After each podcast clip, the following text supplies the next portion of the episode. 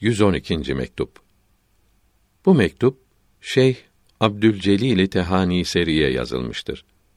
Birinci vazifemiz ehli sünnet vel cemaat itikadını elde etmek olduğu bildirilmektedir. Hak Teâlâ, zarar ziyan içinde olan bizleri, doğru oldukları müjdelenmiş olan ehli sünnet vel cemaat alimlerinin bildirdikleri itikada kavuştursun. Beğendiği işleri yapmakla şereflendirsin. Bu iyi işleri yapmaktan hasıl olan halleri de ihsan buyursun. Kendi mukaddes makamına çeksin. Farisi Mısra tercümesi İş budur. Bundan başkası hiçtir. Çünkü bu kurtuluş fırkasının itikadı olmadan hasıl olan haller, veçtler, istidraçtan başka bir şey değildir. İnsanı haraplığa, felakete sürüklerler. Bu kurtuluş fırkasına uymak nimetine kavuştuktan sonra her ne verirlerse seviniriz, şükrederiz, razı oluruz.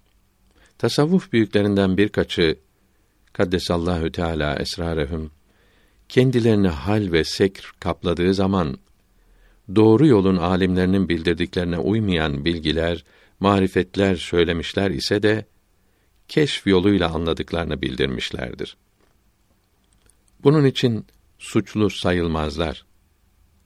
Kıyamette bunlar için sorguya çekilmemeleri umulur. Bunlar içtihadında yanılan müçtehitler gibidirler. Onlar gibi bunların yanılmalarına da bir sevap verilir.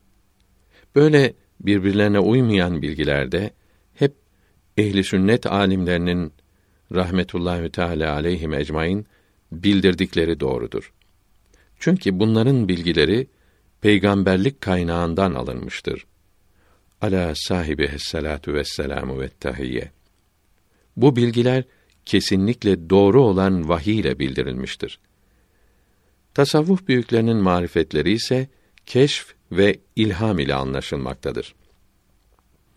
Keşf ve ilhamın doğruluğu kesin değildir. Keşf ve ilhamın doğru olup olmadığı ehli sünnet alimlerinin bildirdiklerine uygun olup olmamasıyla anlaşılır. Kıl ucu kadar uygunsuzluk bulunursa yanlış oldukları anlaşılır. İşin doğrusu böyledir. İşin doğrusu bilindikten sonra buna uymayan keşflerin dalalet, sapıklık oldukları anlaşılır. Allahü Teala bizi ve sizi, zahirimizi, batınımızı, itikadımızı, ibadetlerimizi peygamberlerin efendisine aleyhi ve ala alihi mines salavati ekmeluha ve minet teslimati eftaluha uygun eylemekle şereflendirsin.